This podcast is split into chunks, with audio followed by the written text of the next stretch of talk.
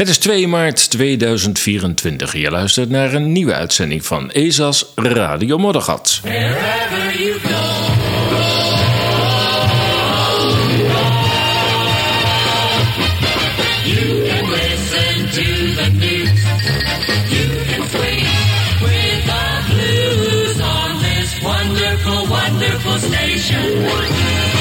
Just take a lively companion wherever you go.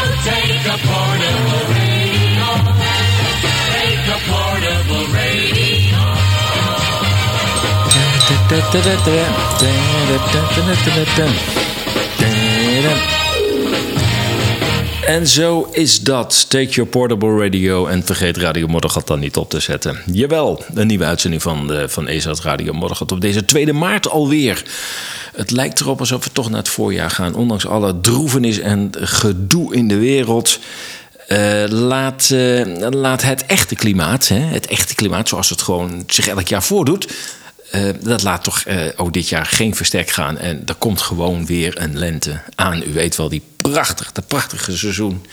Dat de bomen weer exploderen van groen en, en, en, en de bolletjes uitkomen. Nou ja, de winterklokjes, die eh, sneeuwklokjes bedoel ik. het zijn ook winterklokjes natuurlijk. Die, die, die staan al lang boven de grond natuurlijk. Dus dat is, vind ik altijd de eerste aankondiging dat we weer eh, de goede kant op gaan. In ieder geval, eh, wat dat betreft, laat ik het zo even zeggen. Ja, in deze uitzending. Censuur blijkt al jaren kenmerk van de westerse landen te zijn. De media willen oorlog en roepen Nederlanders daartoe op. Een commentaar. Recordverkopen van gasgestookte cv-ketels. Het verkopen van warmtepompen stort in. Ik heb het over Duitsland. En er is een uitbraak van knokkelkoorts in Brazilië. En er is ook iets met muggen. Hoe zit dat precies? En nog een laatste puntje. Is er ook homofobie in Rusland? Daar gaan we het uh, deze aflevering over hebben. Censuur, ja. Er zijn weinig mensen die zo goed op de hoogte zijn van hoe censuur wordt uitgeoefend en vooral door wie. In de uitleg van Mike Benz leren wij dat censuur een oud gegeven is. Benz is directeur bij de Foundation for Freedom Online. Wat nieuw is, is dat organisaties die dat doen, en dat zijn er honderden, dit eerst deden om de vijand van verkeerde informatie te voorzien. Sinds de Brexit, de verkiezing van Donald Trump en COVID, is de groep machthebbenden in angst dat hun eigen landgenoten in opstand komen tegen de bizarre ontwikkelingen die de westerse samenlevingen schaden. En zo begon de censuur zich naar binnen te richten tegen de eigen bevolking. Benz vertelt ook hoe de EU onder druk is gezet om ook strenge censuurwetten aan te nemen, zoals Duitsland de NetzDG-wet en de EU met de Digital Service Act. Ik laat een aantal fragmenten horen van een interview uh, van Mike Benz met uh, Tucker Carlson uh, over verschillende aspecten van die censuur. Zoals bijvoorbeeld de invloeden van buitenland voor doelen voor de VS. Ik zeg het wat cryptisch, maar ik bedoel daarmee de eerste inzet van um, propaganda, van, van het gebruik van media, was om doelen te bereiken in het buitenland. Um, maar dat was natuurlijk eerst alleen via uh, de, de normale radio- en televisiezenders. Of uh, speciaal daartoe opgerichte zenders, zoals Radio Free Europe en Radio Liberty, allebei CIA-zenders. Uh, die uh, ten tijde van de Sovjet-Unie de, uh, inwoners van de Sovjet-Unie en heel Oost-Europa hebben, nou ja, zeg maar gerust opgestookt. Ze zullen in Washington zeggen geïnformeerd. met als doel om ervoor te zorgen dat, nou, dat ze ontevreden werden en dat er een revolutie zou ontstaan. Um, maar later kwamen er uiteindelijk social media uh, bij als technologie. We hebben het uiteraard natuurlijk over als eerste Google en YouTube, Twitter. Um, maar vooral Google was een DARPA-project. En DARPA staat voor Defense Advanced Research Projects Agency. Ja, zeg maar gewoon het ministerie van Defensie, het Pentagon. Die dus Google heeft opgezet als. Um, ja, als tool, als militaire tool om ehm, te bespioneren, het, eh, nou, het Westen zeg maar letterlijk eh, te beïnvloeden met de te sturen zoekresultaten. Free speech on the internet was an instrument of statecraft almost from the outset of the privatization of the internet in 1991. Uh, we quickly discovered through the uh, efforts of the Defense Department, the State Department, and our intelligence services that people were using the internet to congregate on blogs and forums. And free speech was championed more than anybody by the Pentagon, the State Department, and our sort of CIA cutout NGO blob architecture as a way to support dissident groups around the world in order to help them overthrow authoritarian governments as they were sort of. Uh, essentially, the internet, internet free speech allowed kind of insta regime change operations uh, to be able to facilitate the foreign policy establishment's State Department agenda. Google is a great example of this. Google began as a DARPA grant uh, by Larry Page and Sergey Brin when they were Stanford PhDs. And they, they got their funding as part of a joint CIA NSA program to chart how, quote, birds of a feather flock together online through search engine aggregation. And then one year later, they launched Google and then became a military contractor quickly thereafter. They got Google Maps by purchasing a CIA satellite software, essentially. Uh, and the ability to track, to use free speech on the internet as a way to circumvent state control over media over in places like Central Asia or, or all around the world was seen as a way to be able to do what used to be done out of CIA station houses or out of embassies or consulates in a way that, that was totally turbocharged. Ja, de komst van social media bracht een enorme verandering in de aanpak van propaganda. Dus van traditionele radiozenders, zoals Radio Free Europe en Radio Liberty. Maar ook het werk eh, vanuit ambassades om bepaalde oppositionele groepen rechtstreeks eh, te steunen, meestal met, eh, met, met financiële hulp. Werden nu social media eh, ingezet. En Google was, eh, was de eerste. Dus Google is dus een, een, een project van DARPA, van de Amerikaanse uh, defensieindustrie. Dus dan weet je het vast, mocht je een e-mailadres van, van Google hebben, Gmail, en mocht je daar ook je documenten opslaan, dan weet je, dan zijn ze in goede handen, tussen aanhalingstekens. Maar goed, het ging ook verder. Want ook andere zaken die wij nu van internet kennen en die we ook allemaal gebruiken, uh, direct of indirect, zoals encryptie, VPN, Virtual Private Network, dus om je, om je IP-adres voor de website die je bezoekt te, te weg te houden. Ja, moet, ik moet niet eens op het woord, joh. Uh, af te schermen heet dat gewoon Nederlands. Maar ook de dark web. Dark web, daar is natuurlijk heel veel over te doen, omdat er heel veel illegale activiteiten plaatsvinden. Dat is ook een militair project geweest, juist omdat militairen ook wat te verbergen hadden als zij actief waren in andere landen en hebben daarvoor het dark web ontworpen. Um, uiteindelijk ging het er dus om, om, om buitenlandse oppositionele groeperingen die regeringen steunden, die de VS uh, goed gezind uh, waren, om die uh, nou, een beetje op te porren en hun een platform te bieden om hun boodschap zoveel mogelijk te verspreiden. denk bijvoorbeeld aan de Facebook-revolutie, zoals dat dan is gaan heten, tijdens de Arabische lente in 2011. And all of the internet free speech technology was initially created by our national security state. VPNs, virtual private networks, to hide your, your IP address. Tor, the dark web, to be able to buy and trail, uh, sell goods anonymously. End-to-end encrypted chats. All of these things were created initially as DARPA projects or as joint CIA NSA projects to be able to help intelligence-backed groups to overthrow governments that were causing a problem uh, to the Clinton administration or the Bush administration or the Obama administration.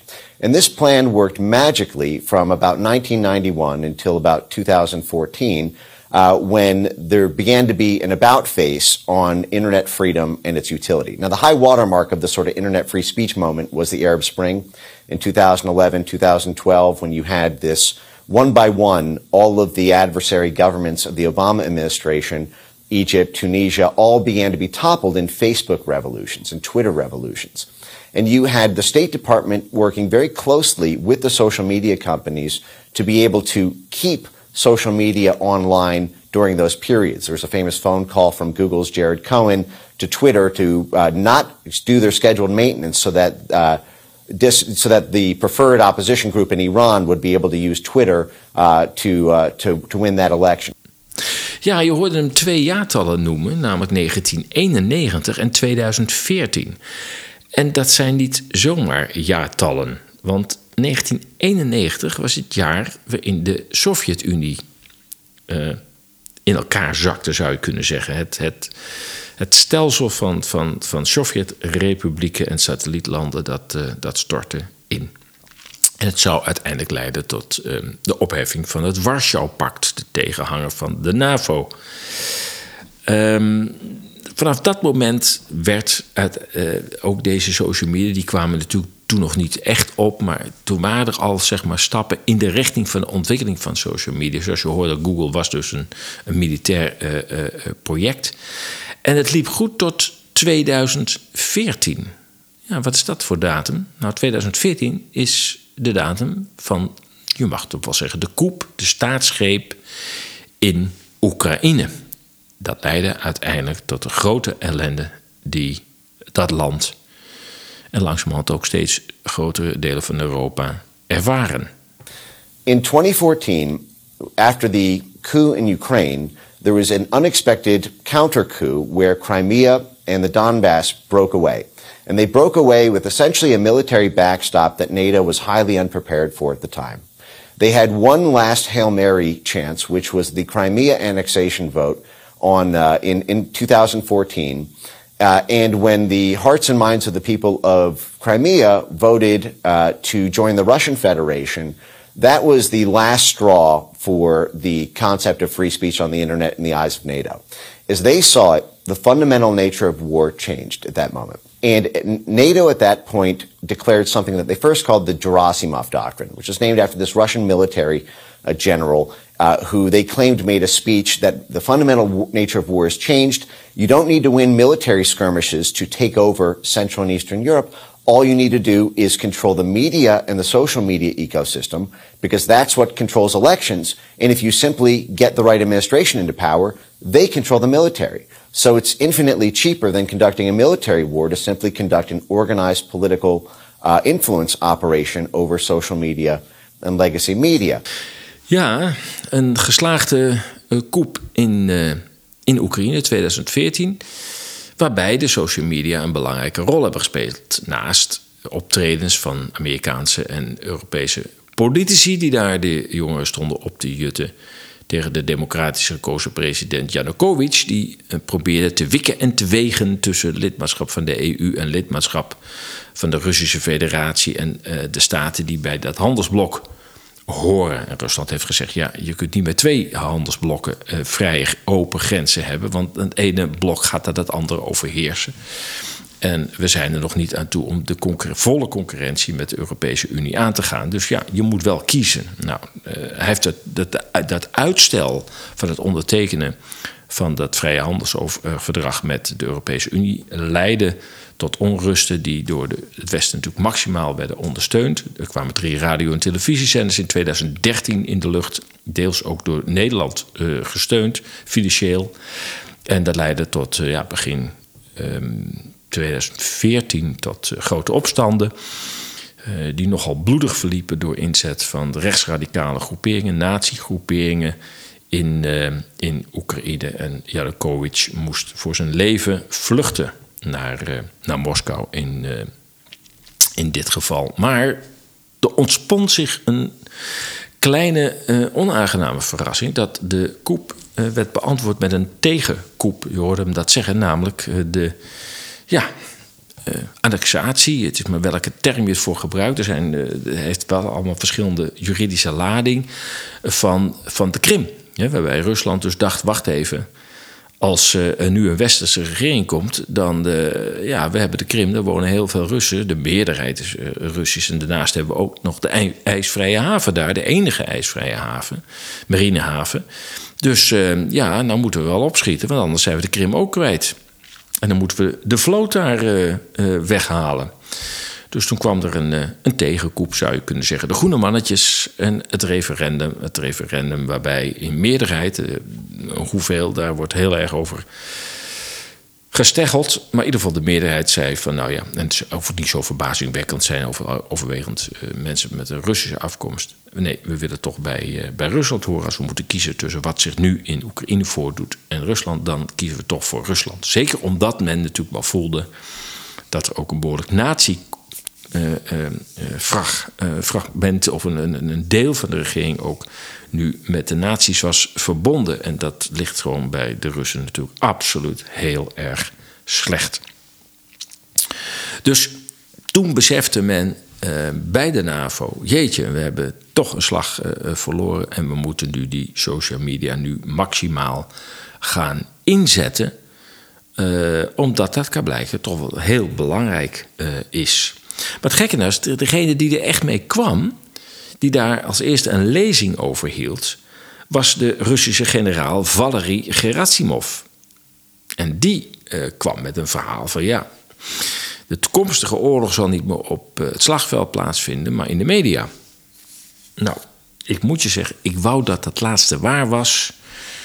Dat het alleen in de media was, want dan waren er geen 500.000 doden of nog meer gevallen nu in Oekraïne. Dus hij heeft toch niet helemaal gelijk gekregen. Maar het neemt niet weg dat je merkt dat, ja, naarmate het spannender wordt, de overheid nog nadrukkelijker die media in de tang neemt. En eh, nou, het is niet voor niks die censuurwet die eh, uit Brussel is gekomen. Onder druk van de Verenigde Staten overigens. Om ja, alle afwijkende meningen. Eerst met COVID. Nou, klimaat loopt er een beetje tussendoor. Maar nu ook zeker betreffende uh, Oekraïne om die meteen de kop in te drukken. Um, de organisatie daarachter, want er zit echt wel een flinke organisaties achter, die, die, die hebben als thuisbasis zowel de Verenigde Staten, de Verenigd Koninkrijk als de NAVO. Dat zijn de belangrijke partijen die deze censuur stimuleren, sturen um, en daar ook belang bij hebben. De eerste locatie waar, waar echt zeg maar, dat centrum was uh, gevestigd, dat was uh, opmerkelijke wijze Duitsland. En ook Duitsland zit bovenop de censuur. En lijkt de geschiedenis zich op dit punt te herhalen. Of schoon er natuurlijk in de dertig jaar van de vorige eeuw in die zin niet zo massale censuur nodig was, omdat de media waren gewoon in de handen van de machthebbers. Dus ja, dan valt ook niet zoveel te censureren, behalve dan krantjes die werden verspreid. En ik kan me nog herinneren, een, een film, ik dacht dat ik die in Berlijn had gezien, ik ben even de titel kwijt, van iemand die, uh, die ansichtkaarten met een stukje tekst, een pro protesttekst, uh, op trappen legde in, in, in portalen van woonhuizen.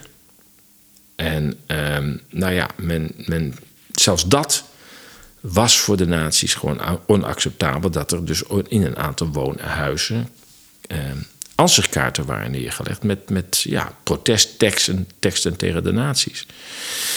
En het heeft heel lang uh, geduurd voordat men erachter kwam wie die kaarten neerlegde. Uh, uiteindelijk is die, is die betrapt en is volgens mij ook ter dood uh, veroordeeld. Dus zelfs die vorm van protest, een, kan, een neerleggen op een trap, dat was in de nazi-tijd, kon dat je leven, je leven kosten. Zover zijn we gelukkig niet en ik hoop ook niet dat we zo ver komen, maar inmiddels kun je wel zeggen dat als we even over Duitsland hebben, dat, uh, nou ja, de censuur als het gaat om, en, en, en, en maar ook vooral het, het, het, een negatief daglicht stellen van uh, partij, ik, ik wil zeggen partijen, maar het is eigenlijk maar één partij, de AFD, de Alternatieve voor Duitsland, ja, dat dat, dat, dat in, in volle omvang aan, aan de gang is. Even een slokje, zo af en toe natuurlijk een beetje, dat hoort er een beetje bij. En dat de AFD dus uh, ja, maximaal onder druk staat, maar ook door de mainstream media constant uh, negatief uh, in, het, uh, in het nieuws wordt, gebracht. Maar we luisteren nog even naar Mike Pence. An industry had been created that spanned the Pentagon, the, the British Ministry of Defense, and Brussels into a organized political warfare outfit, essentially infrastructure that was created, initially stationed in Germany and in Central and Eastern Europe, to create psychological buffer zones, basically to create the ability to, to have the military work with the social media companies to censor Russian propaganda or to censor domestic right-wing populist groups in Europe who were rising in political power at the time because of the migrant crisis. So you had the systematic targeting by our State Department, by our IC, by the Pentagon of groups like Germany's AFD, the Alternative for Deutschland there, and for groups in Estonia, Latvia, Lithuania. Ja, en daar zijn we dus nu in die situatie waarin uh, overheden geen volledige vrije meningsuiting meer toestaan.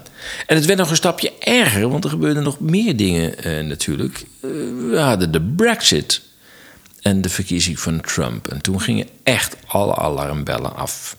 Now, when Brexit happened in 2016, it was it, that was that was this crisis moment where suddenly they didn't have to worry just about Central and Eastern Europe anymore. It was coming westward. This idea of Russian control over hearts and minds, and so at, that was Brexit was June 2016. The very next month at the War, at the Warsaw Conference, NATO formally amended its charter to to ex- expressly commit to hybrid warfare as their as this new NATO capacity. So they went from you know basically 70 years of of tanks to this explicit capacity building for for censoring tweets if they were deemed to be Russian proxies. And again, it's not just Russian propaganda. This was these were now Brexit groups or groups like Matteo Salvini in, in Italy uh, or in Greece or in Germany or in, in Spain with the Vox Party. And now at the time, NATO was publishing white papers saying that the biggest threat NATO faces is not actually a military invasion from Russia. It's losing domestic elections across Europe in, to all these right-wing populist groups who, because they were mostly working class movements, were campaigning on cheap Russian energy at a time when the U.S. was pressuring this energy diversification policy. And so they made the argument after Brexit now, the entire rules-based international order would collapse unless the military took control over media. Because Brexit would give rise to Frexit in France with Marine Le Pen, to Spexit in Spain with the Vox Party, to Italexit in, in, in Italy, to Grexit in Germany, to Grexit in Greece. The EU would come apart, so NATO would be killed without a single bullet being, uh, being fired. And then, not only that, now that NATO's gone, now there's no enforcement arm for the International Monetary Fund, the IMF, or the World Bank. Ja, het is wel duidelijk, denk ik, als je dit uh, hoort, hoe groot de belangen zijn om uh, internet te censureren. Hè? Men is gewoon heel erg bang dat de rule-based order, nou ja, zeg maar gewoon de opgelegde regels van het Amerikaanse uh, empire, dat, dat, dat dat gaat verdwijnen. Als mensen in, in de wereld, en vooral in Europa, dan wakker worden. maar ja, natuurlijk ook de oorlog in Oekraïne, daar moeten we ook maar op één manier naar kijken. Poetin is de kwaaie en wij zijn de goeie. Veel ingewikkelder wordt het allemaal niet gemaakt. Um, ja, en natuurlijk zeker dit jaar, 2024. Het is het jaar van de verkiezingen in de Verenigde Staten. Um, en daar hangt heel veel van af. Um, kijk, je hoeft uh, de mogelijke mogelijke presidentskandidaat, of in ieder geval hij is al presidentskandidaat, uh, Donald Trump, ja, die hoef je niet, uh, niet te waarderen als je dat niet, uh, niet wil, of ook niet de hemel in te prijzen. Maar het zal zeker een wending kunnen geven in de relaties tussen de Verenigde Staten en Rusland. En daarmee hopelijk ook een keerpunt in de ja, niets uitziende, niet, geen, geen enkel uitzicht biedende oorlog uh, daar in, in Oekraïne. Minister Ollongren, zoals ook Rutte dat al diverse malen heeft gezegd, zei onlangs nog, toen ze op een marineschip stond. Ja, we gaan een hele lange oorlog met, met Rusland tegemoet.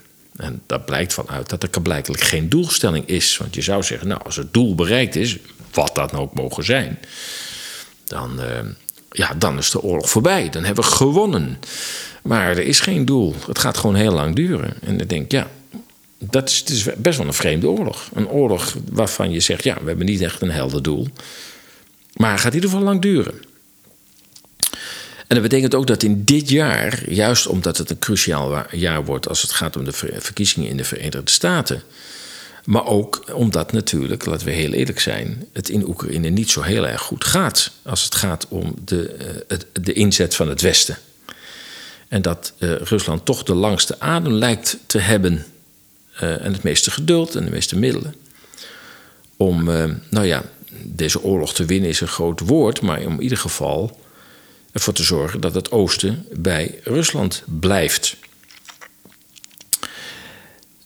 Dus de censuur zal dit jaar ook maximaal zijn. Dat kan niet anders. En je ziet ook dat, dat Donald Trump eh, ja, maximaal wordt bestookt met rechtszaken. Ik geloof dat hij 98 verschillende beschuldigingen aan zijn broek heeft hangen. Zodat hij juist in het jaar van campagne voeren zoveel mogelijk in de rechtszaal moet, uh, moet verschijnen. En uh, ook zoveel mogelijk van zijn geld moet afstaan. Want hij heeft onlangs een boete gekregen voor bepaalde handelswijze. Uh, ik dacht, ik zal wel met vastgoed zijn van de rechtbank in New York. En er is een boete opgelegd van 350 miljoen. 350 miljoen dollar. En dat is natuurlijk ook om de verkiezingenkas van Donald Trump leeg te plukken. Dat mogen duidelijk zijn. Maar toch begint zelfs, beginnen zelfs mensen binnen de Democratische Partij te erkennen dat, ja, dat Trump waarschijnlijk toch wel uh, de winnaar gaat worden. Uh, zelfs in, in de staat South Carolina, niet bepaald een, de, republikeinse staat, lijkt Trump aan de winnende hand. En dat is toch wel heel bijzonder. En dat kan ermee te maken hebben, een beetje een PVV-effect in de Verenigde Staten. Dat zelfs democraten zeggen, ja, het, het, het, gaat gewoon niet goed met dit land. We hebben een president die niet amper uit zijn woorden kan komen. We zijn in een oorlog verstrikt geraakt die ons honderden miljarden kost. En, en, en waarom eigenlijk? Waarom zijn we daar? Wat, wat doen we daar? Bovendien hebben we een risico dat er misschien wel een wereldoorlog weer uitbreekt. Dus ja, ik denk dat die mensen ook aan de democratische kant nu zeggen: ja, het moet nou een keer afgelopen zijn. En als Trump belooft dat hij er een einde aan gaat breien, dan moet dat maar zo zijn. Um, ja, nou ja, ESAS bereidt zich natuurlijk ook voor op mogelijke censuurmaatregelen.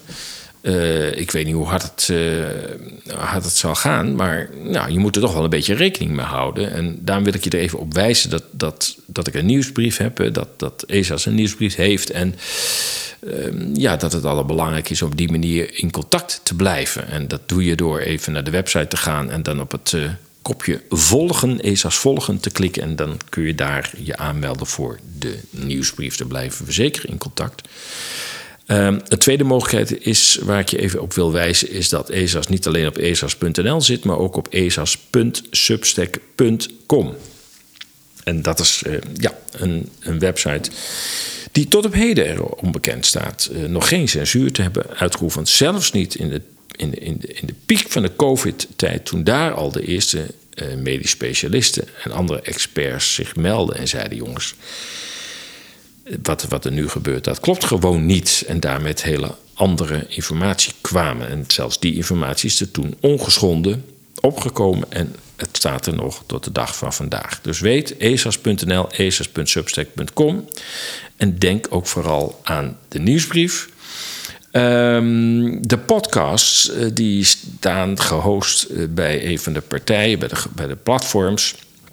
Maar zijn ook te vinden bij Substack. En daar wordt die apart gehost. Dus met andere woorden, het wordt ook op twee plaatsen uh, neergezet. Dus nou ja, uh, spreiding is uh, denk ik de belangrijke strategie. Ja, ondertussen hoor ik ook mensen de vraag stellen van... hebben we nog wat van, eh, van Robert Jensen gehoord. En ehm, ja, ik weet niet op het moment dat dit wordt uitgezonden of hij inmiddels zich alweer heeft gemeld. Maar hij heeft zich toch al twee weken niet meer gemeld op het moment eh, dat we deze uitzending aan het opnemen zijn.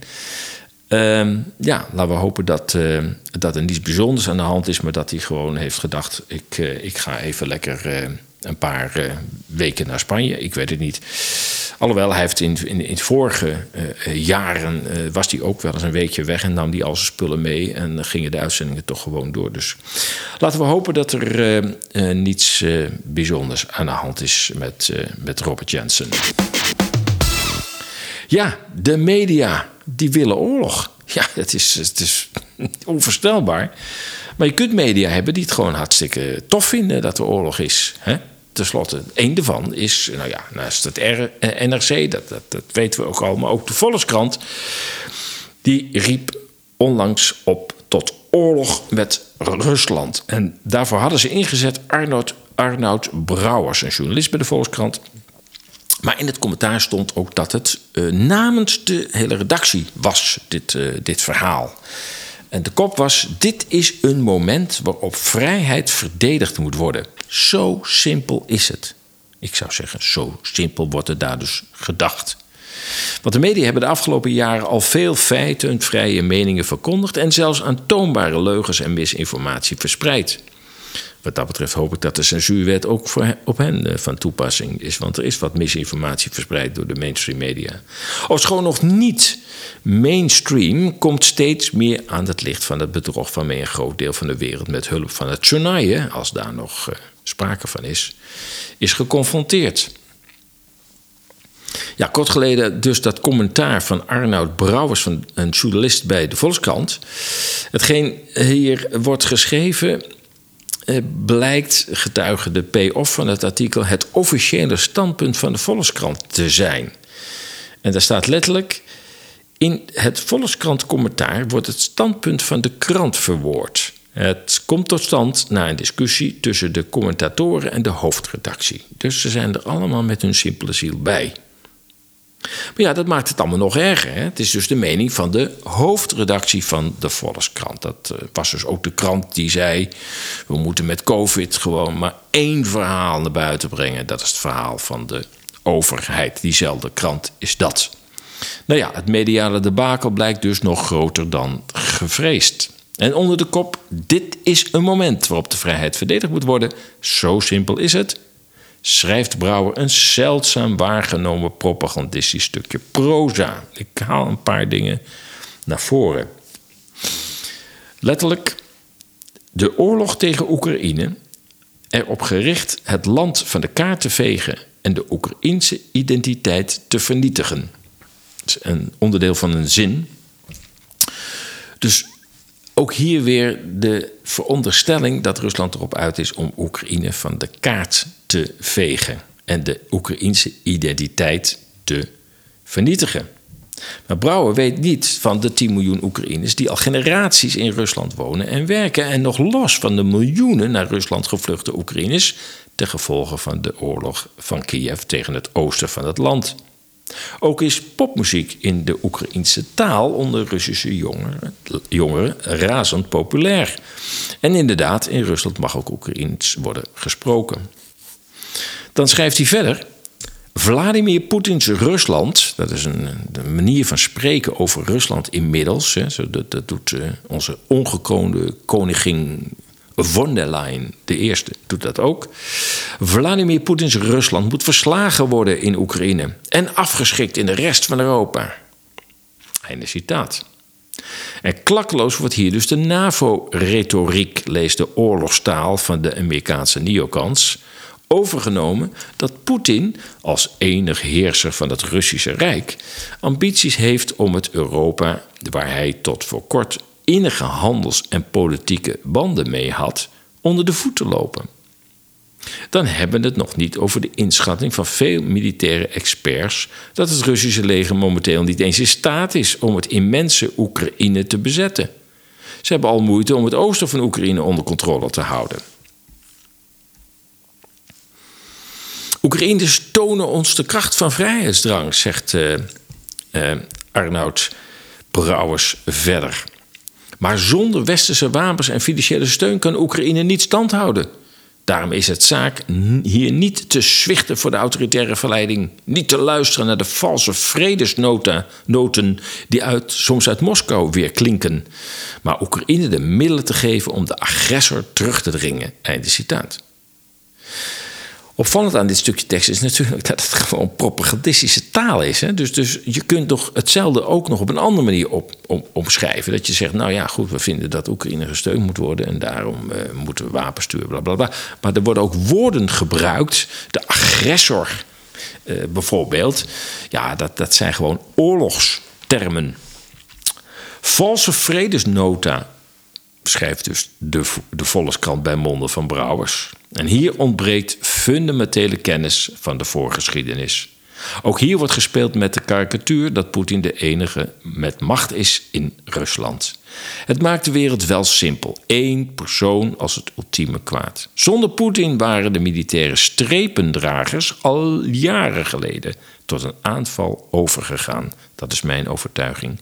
Toen duidelijk werd wat de VS met biowapens in Oekraïne uitspookte. En wat deed de VS ook alweer toen de Sovjet-Unie, de voorloper van het huidige Rusland, in 1961 wapens op Cuba wilde plaatsen? Jawel, wat deed de Verenigde Staten toen? Toen brak de hel los. Ik ga nog even verder met citeren. Poetin wil ook onze wil breken en denkt dat hij dat kan omdat hij onze samenlevingen, die diversiteit prediken en waarin mensen kunnen zijn wie ze willen zijn, inherent zwak en inferieur vindt. Willen wij hem en zijn neofascistische ideeën gelijk geven? Nooit en te nimmer. Zo simpel is het. Einde citaat. Neofascisme. En dat koppelen aan Rusland. Nou, dan heb je ze werkelijk niet meer op een rij. Dit is de taal van een generaal die zijn gedemotiveerde soldaten tegen de vijand probeert op te zwepen. Poetin had niets liever dan bij het Westen gehoord. En dat is behalve tijdens Stalin en zijn misdadige regime al lang het geval. Waarom is Sint-Petersburg in het moeras zo dicht bij Europa gebouwd? Waarom was het tot de Russische revolutie hoofdstad van Rusland? Precies, Rusland wilde zich graag aan Europa koppelen. Tsaar Peter kwam naar Zandam om de Hollanders, om, om, om de scheepsbouw van de Hollanders te leren.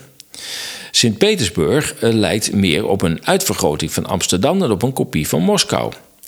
Dat de Russen, en niet alleen Poetin, weinig op hebben met de valse diversiteitscult in het Westen, lijkt veel op wat op dit gebied in, de, in het republikeinse Florida speelt. Dat is een miniem verschil in de benadering van hetzelfde onderwerp tussen het republikeinse Florida en het beleid in Rusland.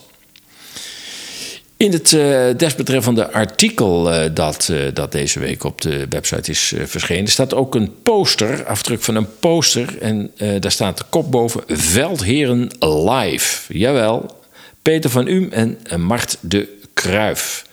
Twee militairen, die hoge rang militairen, die in het armse Musisacrum daar een live show gaven over de huidige situatie. Ja, zover zijn we nog. Hè. Zo, zover zijn we inmiddels. Dat, dat, ja, we gaan niet naar een popconcert, we gaan naar twee militairen luisteren. Jawel. Wie had dat gedacht, vijf jaar geleden? Maar goed, ik, ik, ik, ik, ik las dat op LinkedIn van, van meneer Brouwers. En ik dacht, ja, dit, dit, dit, kan, dit kan echt niet. Ik, ik, ik moet daar toch een commentaar op, op, op, op geven. En ik gaf op zijn LinkedIn-account het volgende commentaar. Ik las uw recente commentaar op de situatie in Rusland. Het schijnt ook het standpunt van de Volkskrant te zijn. Geschokt ben ik van de onwetendheid waarvan uw feitenvrije verhaal getuigt. En ook al zou u gelijk hebben, dan moet u zich bewust zijn wat het ophitsen tot een hete oorlog tegen een kernmacht Rusland voor ons land en het leven van alle burgers kan betekenen. Geluk, sorry, gelukkig worden de mainstream media nu minder serieus genomen dan zeg tien jaar geleden. Maar nog steeds maakt u met uw krant stemming en brengt onnodig het leven van Nederlanders in gevaar. Inhoudelijk ingaan op uw relaas zou te veel tekst vergen. Maar ik kan u verzekeren dat het wemelt van de groteske onzin, onwaarheden, foute aannames, kortom een gebrek aan kennis van zaken. Met dat andere onderwerp van de afgelopen paar jaar hebben kritisch goed geïnformeerde lezers al een voorproefje gehad.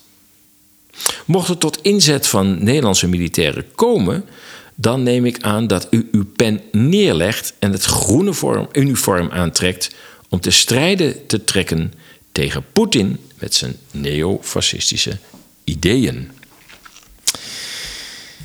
Ja, de Volkskrant. Maar goed, hetzelfde geldt voor uh, het NRC. Het zijn uh, bijzondere tijden, dat zijn het. Een heel ander onderwerp. Duitsers kopen massaal nieuwe gasgestookte CV-ketels. Ja, is. Ik zei, het zijn gekke tijden. Dat schrijft de Berliner Zeitung. De nieuwe verkoopcijfers van de verwarmingsindustrie voor 2023 zorgden voor opschudding in politiek Berlijn. Duitsland heeft het hele afgelopen jaar gediscussieerd over de warmtewet en de overstap naar warmtepompen om zich uiteindelijk te realiseren dat olie- en gasverwarmingssystemen weer booming zijn. Volgens het rapport is de verkoop van gasketels sterk gestegen tot een record van 790.500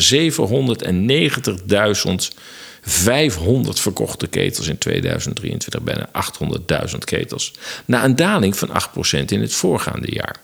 Dit komt overeen met een stijging van 32%.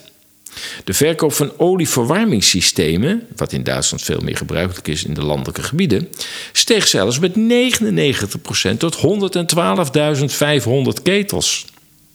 Biomassa daarentegen zag de belangstelling voor aankoop met haar maar liefst 44% dalen. Ja, de warmtepompen zijn ook wel gestegen, maar met veel uh, minder. 356.000 uh, warmtepompen zijn er dus kablijkelijk in 2023. Ik vind het een wat warrig verhaal, eerlijk gezegd, van de Berliner Zeitung. Uh, verkocht. Dus er zijn zeker veel warmtepompen verkocht. Maar het, het, het valt toch een beetje in het niet bij het aantal gasgestookte ketels. En zo zie je maar weer dat uh, ja, mensen stemmen nu uh, via de winkel in feite en zeggen eigenlijk: ja, we willen dat helemaal niet. Het is een verkeerd pad. En wij willen zo snel mogelijk, voordat eventueel de nieuwe wet ingaat. Ik heb begrepen dat die gepauzeerd is, dus dat die voorlopig niet wordt ingevoerd. dat mensen dachten van nou weet je wat, we, we bestellen nog even een cv-ketel. En dan zijn we de komende twintig jaar weer uh, uit de brand. En uh, ik zou zeggen, uh, geef ze eens ongelijk. En dan naar Brazilië.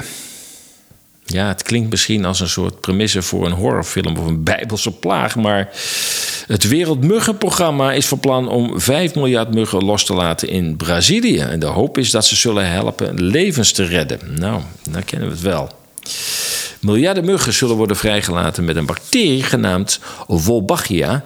Eh, allemaal in een poging om de overdracht van de knokkelkoorts in het land te vertragen. Want daar is een uitbraak van. En in maart 2023 keurde Brazilië een vaccin tegen knokkelkoorts goed. En werd het eerste land, werd het het eerste land ter wereld dat er een aanbod via de openbaar gezondheidszorg uh, kwam. Nou, we kennen het model. Ziekte, vaccin. Ziekte, vaccin. Maar, um, ja, oh ja, meer dan 3 miljoen mensen zouden dan in 2024 in aanmerking komen voor zo'n uh, voor zo'n experimentele uh, prik. En volgens The Guardian zijn er in de eerste vijf weken van dit jaar 364.000 gevallen van infectie gemeld. Althans, volgens het Braziliaanse ministerie van Volksgezondheid. En is vier keer meer dan de denk, uh, denkengevallen in dezelfde periode van 2023. Maar goed, uh, het zou verband kunnen houden met, uh, met het geëxperimenteren met uh, genetisch gemanipuleerde muggen. Ach, genetisch gemanipuleerd, dat hebben we natuurlijk eerder gehoord in de COVID-tijd. een Brits-Amerikaans gene editing, gene editing bedrijf heeft miljoenen genetisch gemodificeerde muggen met een dominant dodelijke gen losgelaten elke week gedurende de 27 maanden in de regio Bachia, Brazilië. in een test om te zien of de gene-edited eh, muggen zouden paren met lokale muggen die Zika, malaria en andere door muggen overgebrachte ziekten bij zich dragen. Een nieuw onderzoek toont eh, het alarmerende feit aan dat na een aanvankelijke vermindering van de doelpopulatie muggen, na enkele maanden de populatie, die sterk was onderdrukt, weer bijna op het niveau was van voor de introductie van die concurrerende muggen. Wetenschappers hebben tot op heden geen idee welke gevaren de nieuwe mutaties met zich meebrengen. Dit benadrukt eens te meer de gevaren van ongecontroleerde genetische manipulatie. En wie daar onder andere zijn dikke centen in steekt, is, daar heb je hem weer, Bill Gates. Daar is ook een website van, kun je het allemaal op lezen. Eh, gewoon op een eigen website. Hij heeft het er ook vaak over over stof rond de aarde uh, spreiden. Ik geloof dat het nog doorgaat ook om de zon af te blokken. Ja, een, een idioot is dat eigenlijk. Hè? En, uh, maar hij experimenteert ook al de hele tijd al met muggen. Hij heeft het in Florida onder andere al uh, gedaan. Ehm, ja, en hij, hij stimuleert dat heel erg. genetisch gemanipuleerde muggen. Nou, dat was tot eigenlijk ja, misschien 10, 15 jaar geleden. In ieder geval in het openbare domein. Ik weet niet wat de militairen aan het uitspoken waren toen al. Maar was dat natuurlijk not dan om, om ja, insecten te gaan manipuleren. Hè? Genetisch te manipuleren. Je weet nooit wat daarvan komt. En dat doen ze niet met een paar muggen. Maar dat doen ze met miljarden muggen tegelijk. En die laten ze nog los ook ja, dan heb je toch wel met een, met een idioot te doen. Die gewoon die dik geld denkt te verdienen. En dat weer verkoopt onder het mom van. Uh, ik doe weer goed voor de mensheid. Globalresearch.ca, daar kun je het op eh, vinden, het artikel. En als je denkt van, uh, ja, maar waar is dat dan? Uh, dat, dat, dat, dat Bill Gates dat sponsort. Dat kun je zien al bij het logootje dat hij een van de sponsors is. Maar hij, zegt daar, hij praat daar zelf ook over. En dan moet je gaan naar worldmosquitoprogram.org. Worldmosquitoprogram.org. En dan lees je alles over die fijne experimenten met die genetisch gemanipuleerde muggen. Rusland, ja, daar zijn ze weer. Is daar eigenlijk homofobie? Is daar uh, een repressief beleid ten aanzien van homo's? Daar zei president Poetin onlangs iets over, omdat hij natuurlijk veel dat verwijt krijgt uit, uh, uit het Westen. Hè, dat we hier, uh, nou, dat hier alles kan eigenlijk en alles inclusief is ieder geval inclusief BTW, maar ook nog inclusief van alles en nog wat. En Rusland is eigenlijk tolerant tegenover mensen met een niet-traditionele seksuele geaardheid, zolang ze zich niet op kinderen richten en met hun voorkeuren pronken, zei president Vladimir Poetin afgelopen week. De president maakte de opmerking toen hij bezoekers van het Forum Sterke Ideeën voor een Nieuwe Tijdperk toesprak een jaarlijks evenement dat wordt georganiseerd door de staat, gesteunde, uh, door de staat gesteunde Russische agentschap voor strategische initiatieven. En hij zei letterlijk: We zijn heel tolerant tegenover mensen met een niet-traditionele seksuele geaardheid. We lopen er alleen niet mee te koop en we geloven niet dat het goed is om ermee te koop te lopen. Laat iedereen, de volwassenen, leven zoals ze willen. Niemand beperkt hen ergens in. Einde citaat. En hij legde uit dat er een, maar een handvol regels zijn die de LGBTQ-gemeenschap in Rusland beperken. Ja, wat moeten we ervan vinden? Natuurlijk horen we wel eens van incidenten dat, uh, dat radicale uh, um, ja, groeperingen homo's in elkaar slaan. Uh, in, de, in bijvoorbeeld Moskou. Maar goed, uh, wat dacht je van de Gelderse hoofdstad, Arnhem, hè, waar twee jonge homo's op de Rijnbrug liepen en ah, ja, fors werden toegetakeld met een bako door twee uh, jongeren. Um, en ja, dat gebeurt hier dus ook, helaas. En wat dat betreft uh, zijn we nou met LBTQ en zo uh, bezig. Maar ja, de, de homoseksualiteit is ook nog niet volledig door iedereen geaccepteerd. En ik moet ook zeggen, dat zit hem dus vooral bij, uh, bij uh, allochtone groeperingen die problemen hebben met homoseksualiteit.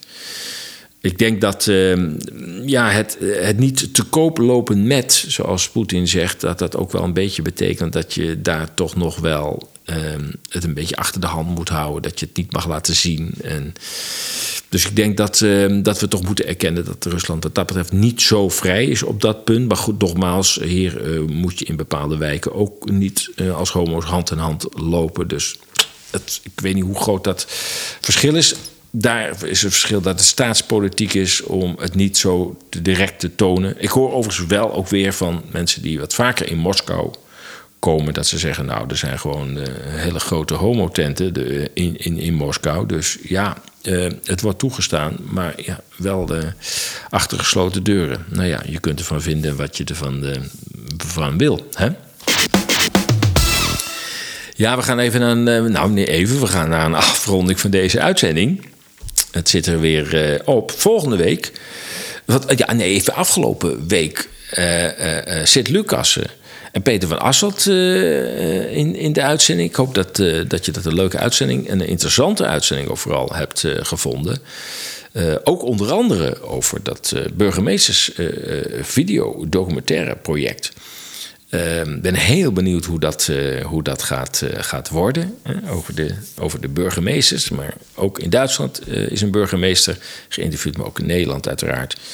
Um, dus nou, we wachten de resultaten daarvan af. Maar volgende week um, wederom Else van Hamelen in de uitzending. En met Else spreek ik over een aantal actuele ontwikkelingen. Dus hou volgende week in de gaten. Radio Motorgat met Else van Hamelen. Ja, ik denk dat we toch maar naar een afronding weer moeten komen. Uh, je luisterde naar een uitzending van ESA's Radio Moddergat. En als je deze uitzending waardevol vond, ondersteun ESA's dan met een donatie, een lidmaatschap of aankoop van een van onze magazines. Maak ons bereik groter en deel deze podcast van Radio Moddergat op je social kanalen. Maak ons bereik. Uh, ja, dat zei ik net, hè? Dat zullen we maar één keer doen. je kunt Aces volgen via onze nieuwsbrief, RSS, Telegram en Substack. Kijk voor meer informatie op esas.nl. En voor nu wens ik je een heel goed weekend. Blijf waakzaam, blijf sterk en tot volgende week.